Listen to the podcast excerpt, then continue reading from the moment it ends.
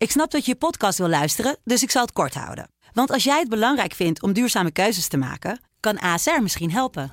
Nou hoor ik je denken, hoe dan? Nou, bijvoorbeeld bij het duurzaam herstellen van schade. Of de premies die we beleggen volgens ons duurzaam beleggingsbeleid. Dat bepaalt waar we wel en juist niet in investeren. Wil je meer weten over welke duurzame keuzes ASR maakt? Ga dan naar asr.nl/slash duurzame keuzes. ASR doet het. Zo, dan kan je nu lekker naar je podcast luisteren.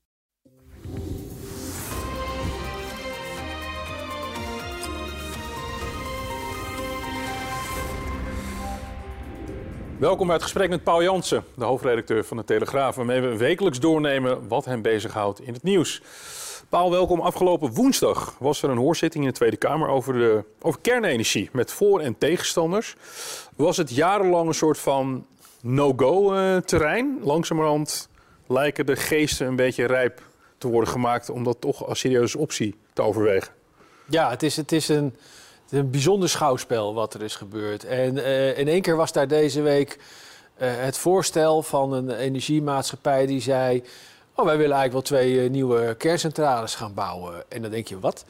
Dat, dat was een geschenk uit de hemel namelijk voor, voor de Haagse politiek. Want nou, even, even een stap terug, wat, wat, wat is er nou precies aan de hand? We hebben in Nederland, ook in internationaal verband, klimaatdoelen afgesproken. Ja. Het is afgesproken dat we in 2030 uh, moeten internationaal geloof 40% in CO2-uitstoot zijn teruggegaan ten opzichte van 1990. Dus er moet, er moet uh, minder uh, CO2 de, de, lucht in.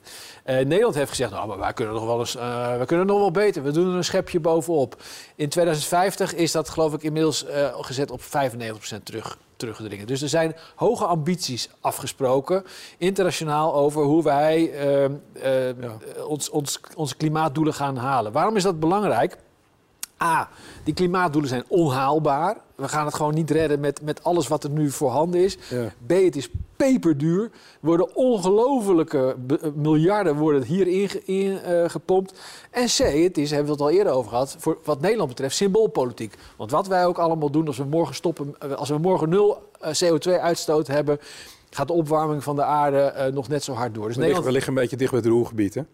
Uh, dat niet alleen, maar Nederland is de, de, de, de, de, de footprint, om het zo te zeggen, van Nederland is gewoon verwaarloosbaar in dit spel. Ik wil niet zeggen dat je niks hoeft te doen, maar even voor, voor het kader. Dan de praktijk. Uh, in Nederland is ongeveer 8% van de, de energie komt uit uh, hernieuwbare energie. Dus is het duurzaam. Maar als je daarin gaat kijken, dan zie je dat het, dat het gros van die uh, duurzame energie komt niet van windenergie, komt niet van, van zonnepanelen, maar komt van biomassa. Ja. En biomassa, dat weten we, dat is eigenlijk de grootste volksverlakkerij die er is, hè, voor dat deel van die houtpellets. Want wordt er gezegd, voor elke boom die je opstookt, en dat geeft ontzettend veel CO2-vervuiling. Het is een soort inwisseltruc. Wij kijken niet, zolang Ja. u die boom plant, telt hij niet mee. Dus Ja. een beetje als je je kind een snoepje geeft en je zegt, zolang jij je snoepje eh, koopt en weer teruglegt in de, in de trommel, telt dat niet mee. En dan jij je maar afvragen waarom je kind zo dik wordt. Weet je wel? Dus het is, dat werkte gewoon niet. Maar biomassa is uit de gratie, ook in de politiek. Er wordt nu versneld gezegd, daar moeten we mee stoppen. Maar dus een probleem, want als je stopt met biomassa, wat het gros is van de duurzame energie in Nederland op dit moment, dan ga je die klimaatdoelen al helemaal niet meer halen. En daar zit precies de draai die nu wordt gemaakt in Den Haag. Dat waar kernenergie nog bij het klimaatakkoord helemaal eh, uit de gratie was. Want dat in, in, in de lobby, met name uit de milieuhoek, mocht kernenergie mocht, is, is, is beladen, mag niet meedoen. En nu in één keer is er een rapport gekomen eh, in Den Haag via het ministerie van... hé, hey, het is toch allemaal haalbaar, hey, Ja. het is toch allemaal betaalbaar. Staat weer op de agenda.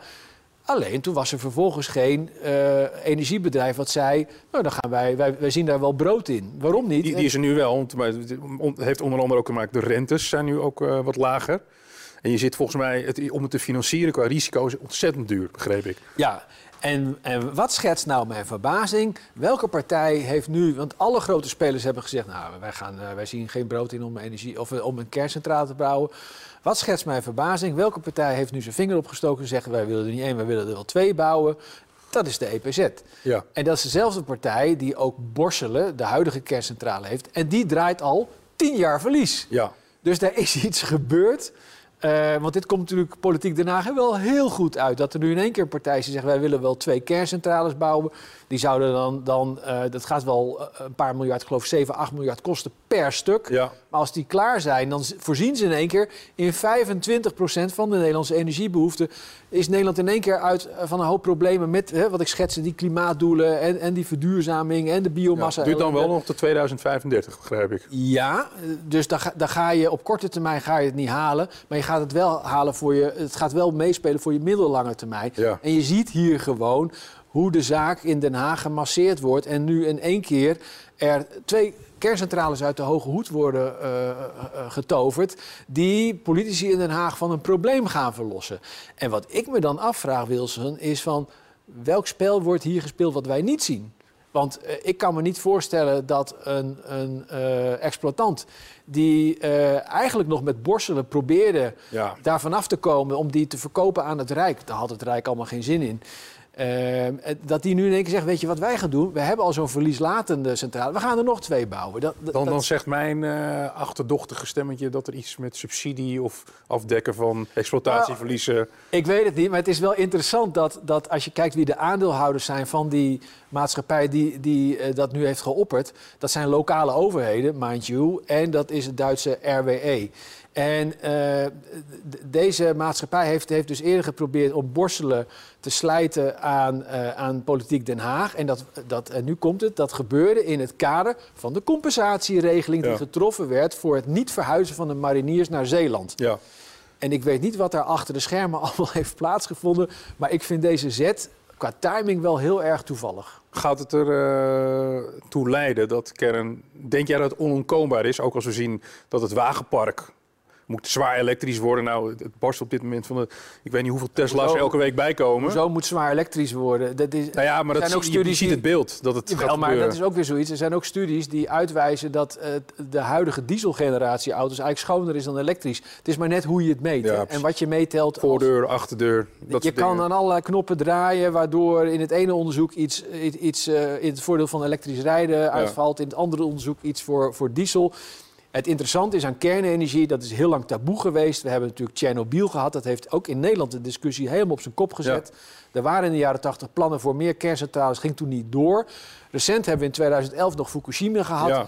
Toen gingen een aantal andere Europese landen, waaronder Duitsland, zeiden nou, we- stoppen ermee. Dus kernenergie is beladen. Maar als je je klimaatdoelen hebt en je energietransitie succesvol eh, wil laten zijn, ga je het zonder kernenergie gewoon niet redden. Dus dit is onontkoombaar, maar komt op qua timing toch wel heel erg goed uit voor politiek Den Haag. Dankjewel. Graag gedaan.